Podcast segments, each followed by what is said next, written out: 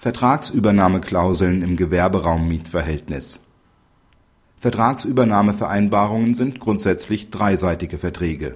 Die erforderliche Zustimmung zu einem solchen Vorgehen kann, auch bei einem Vermietertausch, bereits im Mietvertrag und in Formularform abgegeben werden.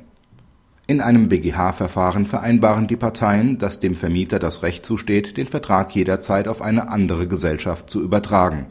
Als dies geschieht werden Mietansprüche geltend gemacht. Die Beklagte bestreitet die Aktivlegitimation. Der BGH folgt ihr nicht. Der Vertrag ist aufgrund der Vereinbarung auf die Klägerin übergegangen. Zweifel an der Wirksamkeit bestehen nicht. Die Zustimmung zum Vertragsübergang kann bereits in den Formularmietvertrag integriert werden.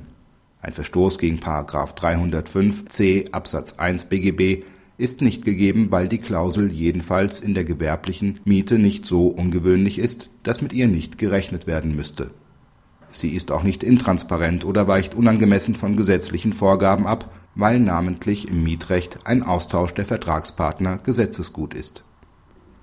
Praxishinweis Die Entscheidung ist aus Praktikabilitätsgründen zu begrüßen.